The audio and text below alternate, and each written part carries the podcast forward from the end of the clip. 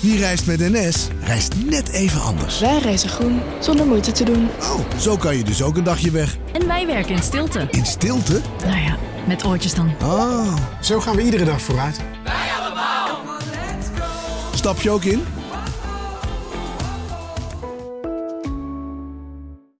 Een maatschappij waarin iedereen meedoet.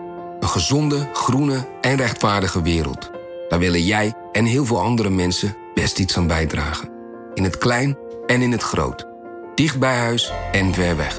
Zo hebben we vorig jaar 349 miljoen euro bij elkaar gebracht. Miljoenen waarmee onze goede doelenpartners de wereld elke dag een beetje beter kunnen maken. Nationale Postcode Loterij. Samen voor een betere wereld.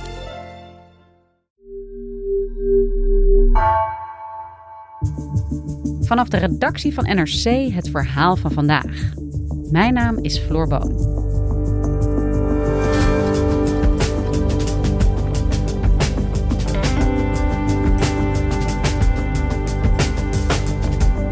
In Rusland geldt nog altijd een informatievacuüm als het gaat over de oorlog in Oekraïne. Maar dat verandert nu Poetin een gedeeltelijke mobilisatie heeft afgekondigd. Correspondent Eva Kukier ging kijken in Belgorod, een Russische stad vlakbij de Oekraïnse grens, waar de oorlog als een van de weinige plekken in Rusland wel al langer voelbaar is. Hoe kijken inwoners daar tegen de oorlog aan?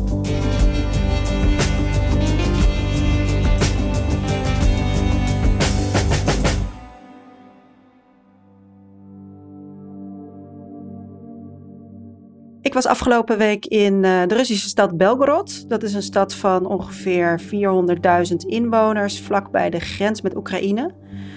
Eh, Belgorod ligt ongeveer 80 kilometer van Kharkov.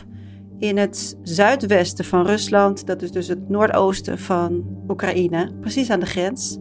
En ik was daar omdat Belgorod en eh, de hele grensregio eigenlijk de enige plek is in Rusland waar je echt de oorlog met Oekraïne echt aan de lijve ondervindt. Waar mensen, inwoners echt worden beschoten, waar inslagen plaatsvinden, waar Russische burgers ook omkomen.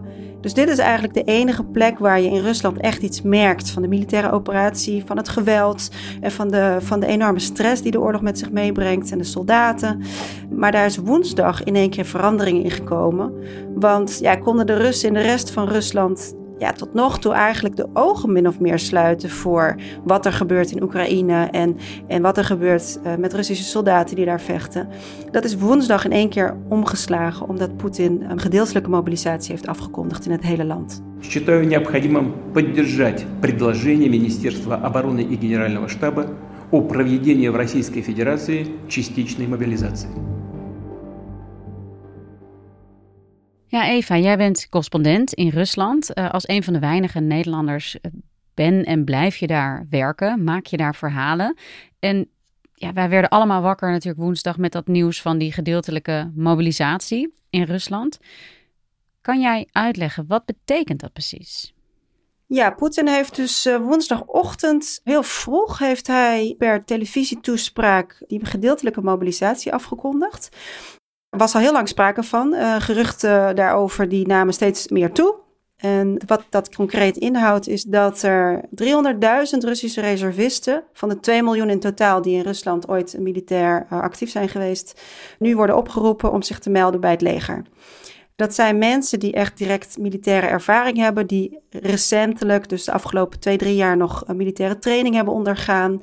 En mensen met hele specialistische militaire beroepen, zoals bijvoorbeeld mensen in de communicatie, artsen met militaire ervaring, maar ook bijvoorbeeld cartografen, meteorologen, allerlei beroepen die nu voor het leger heel erg belangrijk zijn. Dat zijn dus 300.000 mensen die per direct ineens een oproep op hun deurmat kunnen krijgen met nou ja, niet het verzoek, maar gewoon de eis om deel te gaan nemen aan die oorlog. Ja, dat is een bevel. Uh, dat mag je ook niet uh, negeren. Daar kun je straffen voor krijgen. De afgelopen week heeft uh, het Russische parlement in no time allerlei wetten aangepast die straffen instellen voor desertie, voor het niet opvolgen van militaire orders, voor het negeren van een dienstoproep. En ja, dat leidde natuurlijk al tot heel veel onrust, omdat mensen wel ongeveer aan een water voelden uh, waar het heen zou gaan. Dus die wetten die zijn aangenomen en daarbovenop kwam de mobilisatie. En dat betekent inderdaad dat je nu ziet dat heel veel Russen uh, die in die categorie vallen, nu op straat briefjes uitgereikt krijgen. Dat zijn dienstbevelen, dat ze zich moeten gaan melden. Mensen krijgen thuis uh, die briefjes bezorgd. Daar worden ook foto's van gedeeld. Dat zijn hè, gewoon ja, papiertjes eigenlijk waarop staat je moet je nu daar en daar melden. Die mobilisatie is per direct ingesteld, dus dat betekent dat dit echt de komende dagen al, en dat zie je nu al en gisteren ook al, heel veel chaos veroorzaakt. Over die mobilisatie wordt al heel lang gesproken, gespeculeerd. Ook in deze podcast is het heel best wel vaak aan de orde gekomen van gaat dit nou gebeuren of niet? En nu ja, heeft hij het dus toch afgekondigd. Waarom nu? Waarom op dit moment? Nou, dat heeft alles te maken natuurlijk met de grote verliezen die het Russische leger heeft geleid in Oekraïne en de succesvolle Oekraïnse opmars van de afgelopen twee weken hè, rond Kharkiv en ook in het zuiden. Uh, het Russische leger is ontzettend veel mensen kwijtgeraakt. Heel veel commandanten, officiers, uh, heel veel soldaten natuurlijk zijn de afgelopen zeven maanden omgekomen. Ja, en die uh, moeten aangevuld, het leger moet aangevuld worden. Dus um, ja, dat moet nu blijken hoe de Russische regering dat wil uitvoeren. Wat we weten is dat de Russische regio's hiervoor verantwoordelijk worden gemaakt. Dus dat zijn de gouverneurs, de, de, de regionale autoriteiten van de 85 Russische regio's. Die moeten dit allemaal in goede banen gaan leiden. Nou ja, en je ziet al behoorlijk veel paniek natuurlijk onder Russen. Want dit raakt 300.000 reservisten direct. Maar ja, die hebben allemaal familieleden en vrienden en, en kennissen en echtgenoten en kinderen. Dus het raakt in totaal echt miljoenen Russen. Die ja, tegen hun zin mensen naar een onduidelijke strijd moeten gaan uh, sturen. Dus Eva, jij was in Belgorod, ja, die plek waar die oorlog wel ook al zichtbaar is. Hoe is het om daar als journalist te werken? Kon jij een beetje praten met mensen? Ja, in heel Rusland is dat moeilijk. En zeker ook in grensregio's, omdat daar een uh, nog veel verscherpter toezicht is. De geheime diensten, de FSB, zijn in de grensregio's heel erg actief. Uh, journalisten moeten dan ook echt oppassen. Uh, de dagen voor mijn aankomst in Belgorod is er een Russische collega is opgepakt. Die is een nacht lang vastgehouden, is uiteindelijk gelukkig vrijgekomen. Maar goed, dit is heel erg lastig voor journalisten om openlijk te werk te gaan. Maar tegelijkertijd, en dat is de paradox, mensen zijn heel erg bereid om te praten. Ik vertel altijd wie ik ben, dat ik voor een Nederlandse krant werk. Ik werk met een Russische fotograaf. Je stelt mensen op hè, gerust dat je er bent om hun verhaal te horen, dat je er niet bent om allerlei westerse propaganda uh, of te schrijven of hun woorden te verdraaien, want daar zijn mensen heel erg bang voor. Dus dat is heel erg lastig. Uh, dat vergt gewoon extra ja, uh, energie en, en inzet om mensen gerust te stellen. En wat hoorde je daar met, van de mensen die je in Belgorod hebt gesproken? Angst. Mensen zijn ontzettend bang. Tegelijkertijd zijn mensen ook al, na zeven maanden, zijn ze ook al gewend aan hè, dat oorlogsgedruis wat je daar vooral s'nachts hoort. Ik heb dat zelf niet gehoord, want uh, op dat moment was het stil. Maar de afgelopen dagen voor mijn komst vertelden mensen dat ze echt uh, heel veel helikopters, vliegtuigen zagen overkomen, maar dat er ook veel raketinslagen zijn geweest en mortier, artillerievuur en natuurlijk dat uh, afweergeschut van Russische zijde. Dat hoor je allemaal, vooral s'nachts, maar ook overdag. En uh, zo sprak ik bijvoorbeeld met een oude vrouw op straat bij een oorlogsmonument. Die vertelde dat ze in een, in een dorpje niet zo ver van Belgorod woont. En ze vertelde, ja, ik sta dan in mijn moestuin, want ze was dan in een moestuin aan het werk. Deze vrouw was 85 had de Tweede Wereldoorlog uiteraard ook meegemaakt. En die stond dan in de moestuin uh, ja, de plantjes te verzorgen. Met haar hoofddoekje op. En ze vertelde, ja, mijn hoofddoekje waaide over mijn hoofd vanwege de helikopters die overvliegen. En uh, ze vertelde ook dat haar buurvrouw elke keer in uh, paniek probeerde een schuilkelder te bereiken. En dat ze zei van ja, Tanja, dat heeft toch helemaal geen zin. Als we geraakt worden, dan ga je die schuilkelder toch niet meer halen.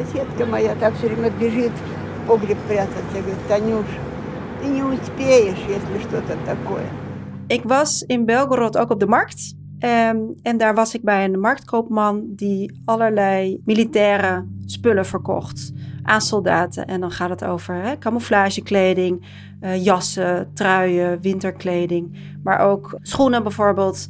Vaak van ja, behoorlijk slechte kwaliteit eigenlijk. Schoenen bijvoorbeeld van Chinese makelij. Nou, ik heb ze, ik heb ze eens eventjes goed bekeken. En uh, ja, plastic zolen, uh, niet al te goed in elkaar gezet. Koop je dan voor 120 euro omgerekend ongeveer. En deze marktkoopman, die vertelde dat ze toch heel veel klandizie hebben van soldaten. En dat het Russische leger niet in staat is om soldaten uh, echt van goede spullen te voorzien. Dat ze gewoon te weinig spullen hebben. We horen ook verhalen uit uh, de internationale media dat uh, soldaten schoenen krijgen die te klein zijn, geen helm hebben, uh, hele verouderde spullen, bijvoorbeeld nog uit de Sovjetperiode. Dus ja, die soldaten die moeten dan zelf uh, proberen hun um, uitrusting bij elkaar te sprokkelen. En die komen dan op de markt om, om, om, om die spullen te kopen. Ja, dus die mensen daar die ervaren de oorlog, die komt heel erg dichtbij. Maar ik kan me ook voorstellen dat ze op die manier steeds meer doorkrijgen dat het helemaal niet goed gaat met het Russische leger in Oekraïne. Hoe reageren mensen daarop? Ja, dat is lastig, want mensen zijn ook wel heel erg proberen heel erg te geloven in wat de propaganda ze vertelt. En die vertelt ze wel dat hè, het Russische leger moet hergroeperen, maar niet hè, de dingen die, die, die wij, die jullie horen natuurlijk over bevrijding van het Oekraïnse leger van Kharkov en van allerlei andere dorpen en steden waar verschrikkelijke dingen zijn gebeurd en allerlei Russische soldaten allerlei gruweldaden zouden hebben begaan. Dat horen ze hier niet. Een heel goed voorbeeld over die parallele werkelijkheid waar uh, Russen, Russen aan de grens in Belgorod, maar ook soldaten in leven, in, in, in werken, was uh, in de trein terug naar Moskou. Ik zat in de nachttrein van Belgorod naar Moskou en ik deelde de coupé met een Russische soldaat, hele jonge jongen van 21, die net zes maanden in Izum had gezeten. En Izum is het stadje bij Kharkov, wat we inmiddels kennen van hè, de Oekraïnse opmars daar. En dat is bevrijd en daar zijn heel veel graven gevonden van burgers die geëxecuteerd zouden zijn mogelijk. Ook van soldaten die zijn omgekomen en van mensen die hun handen gebonden hadden. Dus er zijn verschrikkelijke dingen gebeurd. Dus ja, ik vraag natuurlijk zo'n soldaat daarnaar, wat, dit horen wij heb je daar meegewerkt of eh, wat weet je daarvan? En hij was echt verbaasd. Hij zei, nou ik weet van niks. Wij doen uh, alles aan om de burgerbevolking te beschermen. We schieten niet op civiele doelen. Uh, aan Oekraïnse zijde doen ze dat wel. De Oekraïnse zijde worden mensen gemarteld. Dus precies dat wat wij horen over de Russen, horen de Russen over de Oekraïners. En dat maakt het zo verwarrend. Ook omdat deze jongen echt wel oprecht leek. En ik ben natuurlijk geen waarheidscommissie. Ik heb hem niet aan een kruisvoer onderworpen. Uh, ik probeer heel voorzichtig te peilen wat zo iemand weet. Hij wilde daar ook wel over praten. Maar hij leek in alles leek hij echt verbaasd door wat ik zei. En bijvoorbeeld deze oude vrouw die ik sprak, dat was wel heel erg opmerkelijk. En zij vertelde ook dat ze, ze had veel neven en nichten, ik geloof wel wel dertig, eh, waarvan een aantal in Oekraïne woonden. En dat ze het contact met twee nichten eigenlijk verbroken was, omdat ze via Skype dan hadden gesproken. En die vrouwen in Oekraïne die, die zeiden tegen haar: van ja, moet je eens horen, uh, jullie vallen ons aan, er is een oorlog. Uh, jullie geloven in de propaganda van Poetin. Hier uh, lijden wij ontzettend veel verliezen. Hè? En, um, en jullie zijn verraders en, en jullie willen ons doodmaken. Они считают нас убийцами. Ja, daarop zei deze vrouw van ja, dat vertellen ze ons. En ik dacht van ja, wat, wat moet ik nou met die informatie? Ze zijn daar helemaal gehersenspoeld. Laten we daar maar niet meer over praten of geen contact meer hebben. Want ja, uiteindelijk zal, uh, en dat, dat hoor je vaak, hè, op een dag zal de waarheid naar boven komen. En dan zullen de Oekraïners begrijpen dat ze verkeerd zitten. Ну, я говорю, ничего. Наступит мир, все рассудит на свои места dus ja, dat is echt een parallele werkelijkheid. Dat, dat, dat spiegelpaleis waar ik al heel vaak over heb hè, verteld en geschreven, ook in mijn stukken, die je hier overal aantreft. En ja, die emoties zijn echt en, die, en, en, en oprecht. Maar ja, de input van informatie is gewoon, ja, volstrekt anders. Ja, en dan is er nu toch de afkondiging van die mobilisatie. Uh, die maatregel die heel erg veel Russen gaat raken. Hoe is die maatregel gevallen in andere delen van Rusland? Grote paniek. Dat zag je overal. Dat zag ik ook hè, bij mijn eigen vrienden bijvoorbeeld, mensen die ik hier spreek. Dat zie je niet zozeer op straat. Het is niet zo dat er ineens chaos is of dat mensen rondrennen of proberen zich te verstoppen. Je zag ook veel ja, een run een beetje op vliegtickets. Nou zijn de exit-opties voor Russen behoorlijk beperkt vanwege het gesloten luchtruim met Europa. De grenzen die zijn gesloten. Maar dat is maar echt een heel klein deel van de Russen die zich dat kan veroorloven. En ja, je moet ook je voorstellen van het een op de andere dag alles achterlaten en het land uitvluchten. Dat, dat is ook heel heftig. Mensen hebben vaak natuurlijk kinderen en familie en, en echtgenoten en werk. Je kunt niet zomaar weg. En daarbij, het wordt strafbaar gemaakt om een dienstoproep te weigeren. Dus mensen nemen ontzettende risico's door het land te verlaten. Maar ja, het gebeurt wel. En die paniek, ja, die, die breidt zich steeds verder uit. Uit die paniek zich op een of andere manier toch ook in protest, al is dat zo ontzettend lastig op dit moment in Rusland? Er waren zeker protesten, meer dan ik had verwacht ook. Woensdag uh, de hele dag, eigenlijk vanaf het oosten natuurlijk, waar het dan hè, een stuk uh, later is dan, dan in Moskou, begon dat met kleinschalige protesten. En dan gaat het echt om niet meer dan, uh, nou ja, 30, 40, 50 max 100 mensen op een plein. Dat is toch veel, omdat de repressie hier heel erg heftig is. Want uh, je kunt uh, hè, voor kritiek op de militaire operatie, voor kritiek op het leger, staan echt hele hoge straffen. Mensen kunnen boetes krijgen, maar kunnen ook in strafkampen terechtkomen.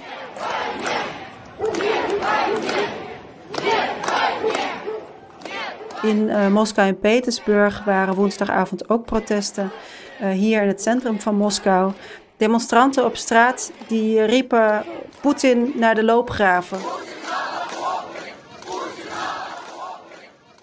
Poetin moet zelf maar die loopgraven gaan opzoeken als hij zelf zo graag oorlog wil. Daar zijn uiteindelijk in totaal in heel Rusland zijn geloof ik 12, 12 1300 mensen opgepakt. Dus ja, dat zijn toch enkele duizenden Russen op een, hè, een bevolking van ja, 140 miljoen die het aandurft om de straat op te gaan. En, dat is toch opmerkelijk, omdat, omdat het zo ontzettend risicovol is.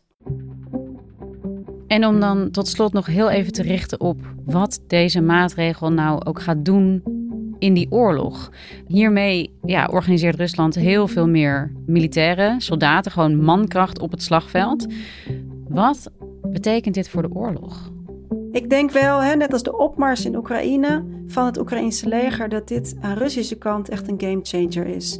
Zowel voor het leger, dat zullen we de komende weken pas zien, of deze oproep, hè, die 300.000 reservisten, of dat ook echt leidt tot een, vergrote slagkracht van het Russische leger. En of het Russische leger dan in staat zal blijken om het Oekraïnse leger op plekken weer te verslaan, of het Oekraïnse front terug te drijven.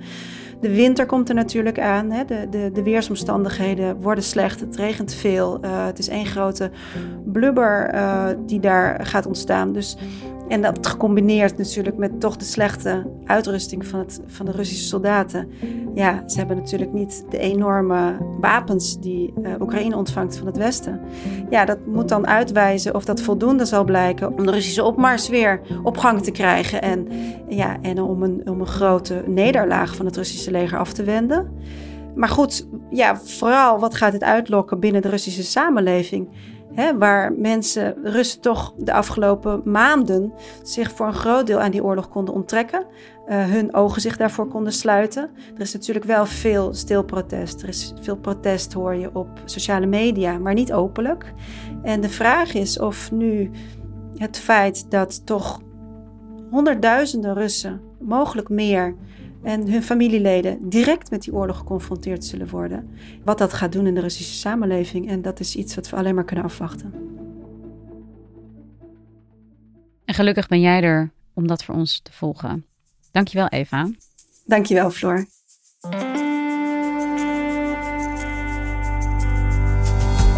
Je luisterde naar vandaag, een podcast van NRC. Eén verhaal, elke dag. Deze aflevering werd gemaakt door Wijken van Koolwijk en Marco Raaphorst. Dit was vandaag. Maandag weer.